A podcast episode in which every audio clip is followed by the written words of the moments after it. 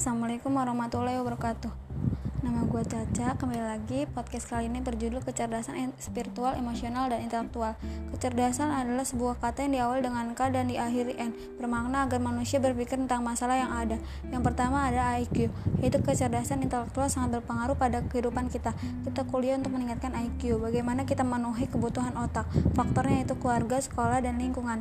Yang kedua ada EQ, yaitu emotional quotient Passion, yaitu kecerdasan emosi lebih dominan ada pada otak kanan untuk melatih emosi kita.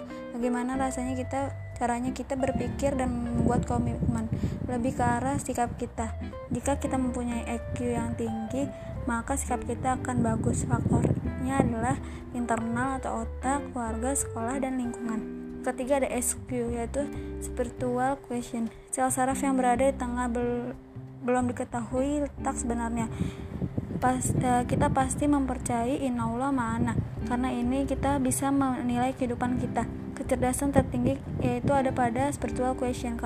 Karena itu adalah kecerdasan menyeluruh. Bagaimana kita berhubungan dengan Allah dan manusia? Hablum minallah dan hablum minanas jika kita punya IQ tapi kurang IQ seperti mempunyai narasi tapi tak bisa menyampaikannya tapi jika punya EQ tapi kurang di IQ, seperti kita menyampaikan tapi tidak ada pengetahuan.